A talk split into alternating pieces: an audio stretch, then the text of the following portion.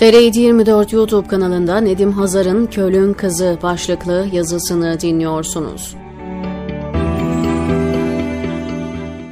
Angela Merkel 1989'da Berlin Duvarı yıkılırken bir saunada bunu arkadaşlarıyla kutluyordu ama yarın önemli işlerim var diyerek partiyi erken terk etmişti. Yeni kurulan Demokratik Uyanış'a katıldı ve Şubat 1990'da partinin basın sözcüsü oldu. Tam o esnada partisi Alman Sosyal Birliği DSU ile birlikte koalisyon olan Muhafazakar Hristiyan Demokrat Birlik Partisi'ne CDU katıldı. Doğu Almanya'nın Mart 1990'daki ilk ve tek serbest seçiminden birkaç gün önce Demokratik Uyanış'ın başkanı Wolfgang Schunor yıllardır Stasi muhabiri olarak çalıştığı ortaya çıkmıştı. Haber ittifak destekçilerini sarsa da koalisyon galip geldi ve Demokratik Uyanış oyların yalnızca %0.9'unu kazanmasına rağmen hükümetin bir parçası oldu. Merkel, Lothar Mazire hükümetinin sözcü yardımcısı oldu. Ağustos 1990'da Demokratik Demokrat Birlik Partisi'ne katıldı ve bu parti Almanya'nın yeniden birleşmesinden bir gün önce 1 Ekim'de batılı mevkidaşı ile birleşti. Birleşme sonrası ilk seçimde Merkel, Stralsund-Rügen-Grimmen'i temsil eden Federal Meclis'te parlamentonun alt meclisi, bir sandalye kazandı. Şansölye tarafından Kadın ve Gençlik Bakanı olarak atandı. Helmut Kohl, Ocak 1991'de Doğu Almanya'dan siyasete yeni katılan bu genç kadını seçmenlere takdim etti ve hep yanında taşıdı. Bu sebeple Almanlar ona Kohl'ün kızı adını taktılar. Doğu ve Batı partilerinin birleşmesinden sonra Demokrat Birlik Partisi'nin başkan yardımcısı olan Mazire, Stasi için çalıştığı iddiasıyla 6 Eylül 1991'de görevinden istifa etti. Aynı yılın Aralık ayında Merkel onun yerine seçildi. 1994 seçimlerinden sonra Merkel Çevre, Koruma ve Reaktör Güvenliği Bakanı oldu ve Mart-Nisan 1995'te Berlin'deki ilk Birleşmiş Milletler İklim Konferansı'na başkanlık etti. Merkel 7 Kasım 1998'de CDU'nun genel sekreteri seçildi. Uzun zamandır arkadaşı olan kimya profesörü Joachim Zoyer'le aynı yılın 30 Aralığında evlendi. Berlin Üniversitesi'nde profesör olan kocası Joachim Zoer tanınmaktan o kadar hoşlanmıyor ki Merkel'in 2005'te şansölye olarak göreve başlama törenine bile katılmadı. Ayrıca Merkel'le resmi uçaklarda seyahat etmesine izin verildiğinde bile o kendi parasıyla uçak yolculuğu yapıyor. Opera izlemeyi ve birlikte yürüyüş yapmayı sevdikleri biliniyor. Operaya olan ilgisi ve dikkatlerden kaçınması sayesinde Alman medyası Zoyer'e operadaki hayalet adını taktı. 1999 sonrasında bir finans skandalı CDU'yu vurdu ve Köl, yasa dışı kampanya katkılarının kabul etmesi ve kullanılması iddialarına bulaştı. İşte bu esnada şaşırtıcı bir şey oldu. Merkel, 22 Aralık'ta yayınladığı bir açık mektupla partiyi onursal başkanı olmadan yeni bir başlangıç yapmaya çağırdı. Merkel'in duruşu Köl sevenlerini üzse de Alman kamuoyunda görünürlüğünü ve popülaritesini büyük ölçüde artırmıştı. 10 Nisan 2000'de Merkel, CDU başkanlığına seçildi ve partiyi yöneten ilk kadın ve Katolik olmayan ilk kişi oldu. CDU lideri olarak Merkel, finans skandalının ve bölünmüş bir partinin kalıcı etkileriyle karşı karşıya kalmıştı. 2002 seçimlerinde şansölye adayı olmayı ummasına rağmen partisinin çoğunluğu Edmund Stoiber'i tercih etti ve CDU, CSU seçimleri kıl payı kaybettikten sonra Merkel muhalefetin lideri oldu. Alman siyaseti çalkantılı günler yaşıyordu. SPD'ye verilen destek sürekli dalgalanırken Schroeder, Eylül 2005'te bir erken genel seçim yapılması çağrısında bulundu ve sonuç daha da içinden çıkılmaz bir hale dönüştü. CDU, CSU oyların %35.2'sini alarak iktidardaki SPD'yi yalnızca %1 ile geride bırakmıştı. Her iki tarafta bir hükümet kurmak için müttefik aradı ancak aylarca süren müzakereler sonuçsuz kaldı. Sonunda CDU, CSU ve SPD Merkel'in başında olduğu bir büyük koalisyon hükümeti üzerinde anlaştılar.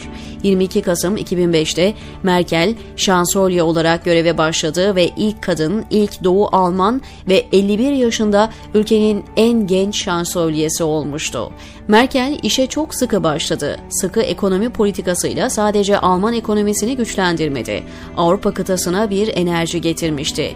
Eylül 2013 federal seçimlerinde CDU-CSU ittifakı oyların yaklaşık %42'sini alarak etkileyici bir zafer kazandı. Ancak koalisyon ortağı FDP %5 barajına ulaşamadığı için Merkel, her ikisi de isteksiz ortaklar olan SDP veya Yeşiller Partisi ile bir hükümet kurma ihtimaliyle karşı karşıya kalmıştı. İki aydan fazla süren müzakerelerin ardından Merkel, SDP ile başka bir büyük koalisyon hükümeti kurmak için bir anlaşma sağladı. 17 Aralık'ta savaş sonrası dönemde Almanya'nın üçüncü kez şansölyesi olmuştu. Daha önce bu başarıyı Konrad Adenauer ve Helmut Kohl göstermişti. Merkel 3. döneminde artık bir ekonomik zafer kumandanı edasıyla icraatlarını yapıyordu. Öte yandan bazı otoriter rejimler dünyanın başına bela olma sinyali göstermeye başlamıştı.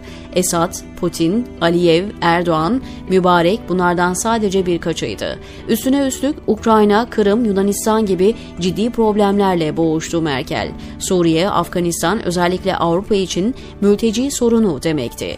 Öyle ki Schengen Anlaşması'nı geçici olarak askıya almaya kadar varmıştı sıkıntı.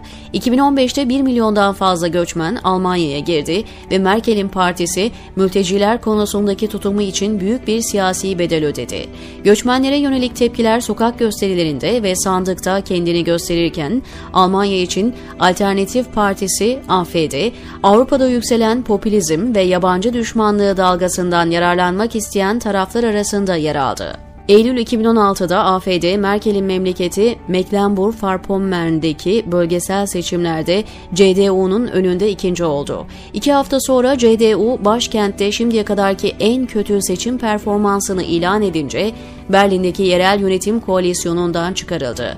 Başka yerlerde milliyetçiliğe yapılan çağrılar Birleşik Krallık'taki Brexit referandumunda Haziran 2016 başarılı evet kampanyasını körükledi ve Donald Trump'ı ABD başkanlık seçimlerinde zafere taşıdı. Kasım 2016. Ancak Merkel dördüncü dönem adaylığını açıklarken merkeze doğru ilerlemeye devam ediyordu. CDU Zarland'da Mart 2017 ve SDP'nin geleneksel kalesi Kuzey Rent-Westfalya'da Mayıs 2017 genel bölgesel seçimleri kazandığında bu strateji meyvesini vermiş gibi görünüyordu. Haziran 2017'de Merkel, eşcinsel evliliğin yasallaştırılmasına ilişkin federal mecliste yapılan açık oylamaya karşı muhalefetini geri çektiğinde pek çok kişiyi şaşırttı. Günler sonra milletvekilleri Alman halkı arasında geniş destek gören tedbiri onaylamıştı.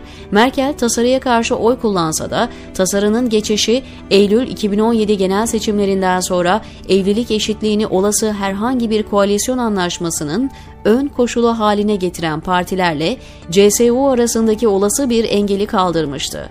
Merkel, şansölye olarak dördüncü dönemi kazandı. Ancak CDU, CSU ve SPD yaklaşık son 70 yılın en kötü performansını sergilemişti.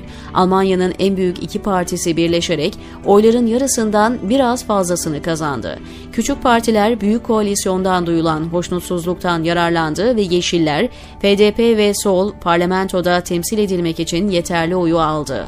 En dramatik sonuçsa SPD'nin arkasında güçlü bir üçüncü olan AFD içindi. Merkel desteğini AFD'ye kaydıran muhafazakar seçmenleri sürece dahil etme sözü vermesine rağmen Martin Schulz partisinin muhalefete geri döneceğini belirterek başka bir büyük koalisyonun tartışılmasını reddetti. Schulz, aylarca süren müzakerelerin ardından Almanya hükümetsiz kaldığında sonunda pes ettirdi. FDP ile müzakereler Kasım ayında tamamen çöktü ve yeni seçim ufukta belirdi. Bu arada Türkiye'de Recep Tayyip Erdoğan, Almanya'nın bu belirsizliğini de ülkesinde kullanarak tek adam yönetimi için kullanıyordu. Merkel ise seçim fikrinden hiç hoşlanmamıştı. Koalisyonun fedakarlık anlamına geldiği ana fikrini sürekli olarak işliyordu. Aralık ayında SPD, Büyük Koalisyonun sürdürülmesi konusunda CDU, CSU ile müzakerelerin başlatılması için oy kullandı.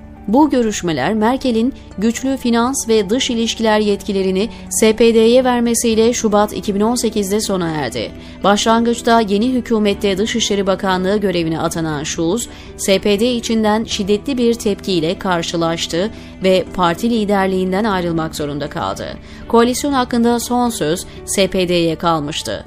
Alman siyaseti Hitler sonrasında hiç görülmedik sert müzakerelere ve restleşmelere tanık oluyordu. Merkel en güçlü olduğu yerlerde bile yüksek sesli karşı çıkışlara muhatap olmaya başlamıştı. Söz gelimi Merkel'in İçişleri Bakanı ve CSU Başkanı Horst Seehofer, Haziran 2018'de Merkel'in göç politikası ile ilgili bir tartışmada istifasını sundu. Ayrıca ayrılıp Alman hükümetini devirmekle tehdit etti. Ancak Merkel tam bu esnada nasıl bir usta siyasetçi olduğunu kanıtladı ve Seehofer istifasını geri çekti. Siyaset tarihçileri Merkel için çok enteresan bir tespitte bulunuyorlar. Angela Merkel net bir siyasi duruş ve ideolojik görüşe sahip değildir diyorlar. Aslında bu tespit doğru olmakla beraber Merkel'in üstün ve erdemli yönünü de gösteren bir taraf. Merkel her zaman insan odaklı bir siyaset yürütmeyi tercih eden siyasi figür olarak anılacak. Her ne kadar pragmatist olarak algılansa da Angela Merkel'in çok zorlu bir dönemde Almanya'yı dünyanın en güçlü devletlerinden biri olarak çok zor bir coğrafyada 16 yıl görevini başarıyla yapmış olması hep takdir edile geldi. 2020 yılında ünlü yayın organı Time tarafından yılın insanı seçilen Merkel için şöyle deniliyordu. Kendisine meydan okuyabilecek herkesi zekasıyla geride bırakan sakin, mütevazı bir güç. Bir de felsefeden bahsediyordu Alman uzmanlar ve ismine Merkel Felien diyorlardı. Willy Brandt onun siyaset tarzına Die Politik de Schritte, bebek adımları siyaseti diyor. Donald Trump, Merkel'i deli olarak nitelendirir ve mültecileri büyük Truva atlarından biri olarak kullandığından şüphe ederdi. Kim Alman protestocular ona bir hain, hatta çok affedersiniz fahişe bile dediler. Müttefikleri bir halk isyanı konusunda sürekli ikaz edip ekonomik çöküş ve kültürel bir intihar konusunda uyardı. Muhafazakar Alman medyasının koçbaşı Die Welt bir keresinde 1 milyon göçmeni asimile etmenin zorluğu hakkında uyarıda bulunan yayın yaptı. Sızdırdığı bir istihbarat raporunda ise İslamcı aşırıcılığı, Arap antisemitizmini, diğer insanların ulusal ve etnik çatışmalarını ve ayrıca farklı bir toplum ve hukuk anlayışı ithal ediyoruz deniyordu. Angela Merkel siyasi hayatına tıpkı girdiği gibi yine sessizce bir nokta koydu önceki gün ve Alman politikasına güçlü bir slogan bıraktı miras olarak. Wir schaffen das, bunu yapabiliriz, diyor Nedim Hazar TR724'deki köşesinde.